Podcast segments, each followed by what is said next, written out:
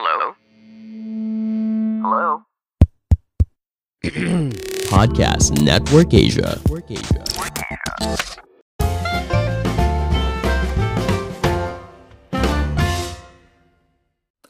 Halo semuanya, kembali lagi bersama saya Madianto. Kali ini kita akan membahas tentang tanda kalau kamu cerdas dalam mengelola keuangan. Siapa yang tidak senang ketika gajian? Kamu pasti senang dan sangat menantikan ketika gajian tiba. Tapi pernahkah kamu merasa bahwa setelah bekerja sekian lama, kenapa kekayaanmu tidak kunjung bertambah? Setiap dapat gajian selalu habis. Sangat kecil atau bahkan tidak ada yang tersisa. Kalau kamu mengalami masalah ini, kamu perlu belajar mengelola keuangan. Literasi keuangan adalah salah satu kalian yang mutlak diperlukan setiap orang untuk meraih kesuksesan dalam hidup. Alasan terpenting yang membuat mengapa kita harus pintar mengelola uang adalah karena kita tentu menyadari bahwa setiap orang pasti menua, sakit-sakitan dan tidak bisa lagi bekerja. Kalau kita tidak bisa mengelola uang ketika sejak muda, nanti di hari tua kita tidak cukup banyak bekal untuk bertahan hidup sehingga kita bisa menyusahkan keluarga dan orang-orang terdekat kita. Hal penting untuk kita sadari adalah usia kita semakin bertambah dan tenaga serta kemampuan kita bekerja dari tahun ke tahun pasti akan berkurang sementara kebutuhan hidup akan terus bertambah mulai dari biaya kebutuhan sehari-hari, keperluan untuk biaya kesehatan atau kebutuhan untuk biaya sekolah anak kita. Kalau tidak dipikirkan dari sekarang, tidak mustahil nanti kita akan kewalahan. Menjadi orang cerdas mengelola uang tidak dapat dinilai dari berapa banyak penghasilanmu. Tidak, punya uang itu masalah, tapi punya banyak uang juga bisa menjadi masalah kalau kamu tidak bisa mengelolanya dengan baik.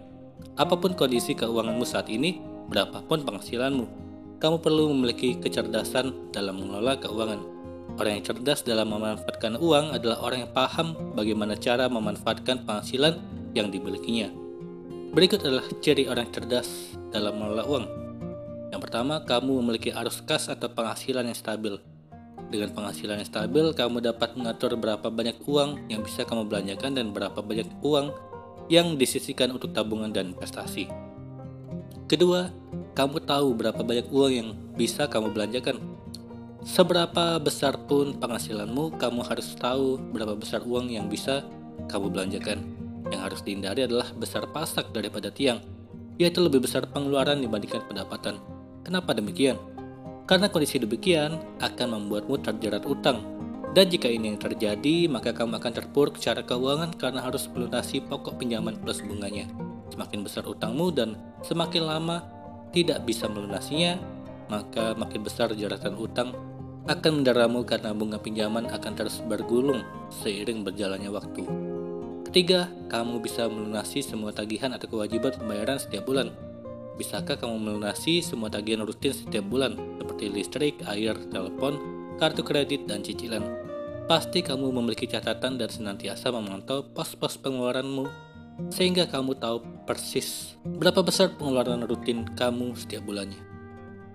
Keempat, kamu bisa membeli barang-barang yang kamu perlukan.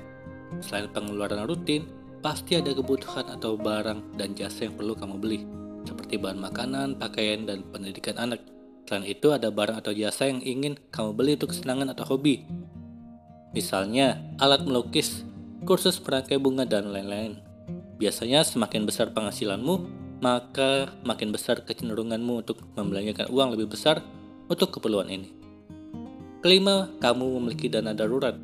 Selalu ada probabilitas kamu atau keluargamu mengalami musibah yang membutuhkan dana dalam jumlah cukup besar secara mendadak. Seperti kata pepatah, Sediakan payung sebelum hujan. Kamu perlu menyiapkan dana untuk mengantisipasi kebutuhan mendadak akibat kondisi darurat. Besarnya dana darurat ini sebaiknya setara dengan total penghasilan kamu selama 3-6 bulan. Keenam, kamu melakukan perencanaan sebelum membeli sesuatu yang mahal. Orang yang cerdas dalam mengelola keuangan tidak akan membeli sesuatu secara impulsif, terutama untuk barang-barang yang harganya mahal seperti misalnya mobil, perabotan rumah tangga atau rumah. Mereka akan melakukan perencanaan yang matang, mulai dari melakukan riset atas barang yang akan dibeli, mencari informasi mengenai skema pembayaran, serta berapa lama mereka harus mengumpulkan dana untuk membeli.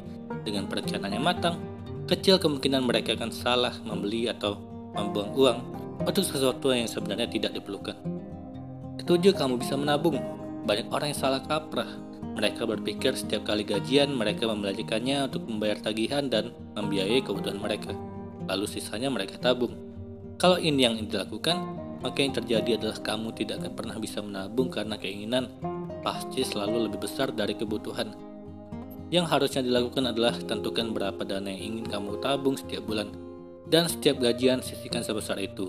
Jangan pernah tergoda untuk membelanjakan dana tersebut. Dan yang tersisa setelah kamu menyisihkan gajimu untuk tabungan adalah dana yang bisa kamu belanjakan dan tanamkan disiplin untuk menyisihkan setiap bulan. Bahkan kalau bisa jumlah yang disisihkan di bulan berikutnya lebih besar dibandingkan di bulan sebelumnya. Kedelapan, kamu berinvestasi untuk memupuk kekayaanmu. Menabung adalah menyisihkan sejumlah uang untuk disimpan demi memenuhi suatu kebutuhan atau keperluan mendadak. Namun menabung saja tidak cukup, karena bunga yang kita dapatkan dengan menabung di bank tidak berbanding lurus dengan inflasi yang terjadi setiap tahunnya. Sehingga jika dibandingkan dengan kenaikan harga barang dan jasa, uang yang kita tabung di bank sebenarnya justru tergerus nilainya. Agar kekayaan kita tidak tergerus oleh inflasi, kita perlu melakukan investasi Investasi adalah upaya baik dalam bentuk materi, tenaga, dan waktu yang dilakukan pada saat ini untuk mendapatkan keuntungan di masa mendatang. Dengan investasi diharapkan dana atau kekayaan kita akan bertumbuh seiring dengan berjalannya waktu melampaui nilai awalnya. Dalam kehidupan, berbagai peristiwa penting akan datang menghampiri seperti mulai kuliah, menikah, memiliki keluarga hingga pensiun. Belum lagi kebutuhan-kebutuhan lainnya seperti berlibur, membeli mobil atau rumah baru. Selain itu, jika kamu bekerja, kamu tahu bahwa kenaikan gaji dan bonus akhir tahun tidak pasti jumlahnya. Bunga bank nilainya tergerus inflasi dan bunga pinjaman bank selalu tinggi. Tanpa perencanaan keuangan yang baik, sulit untuk memenuhi setiap kebutuhan itu jika hanya mengandalkan tabungan dan gaji bulanan.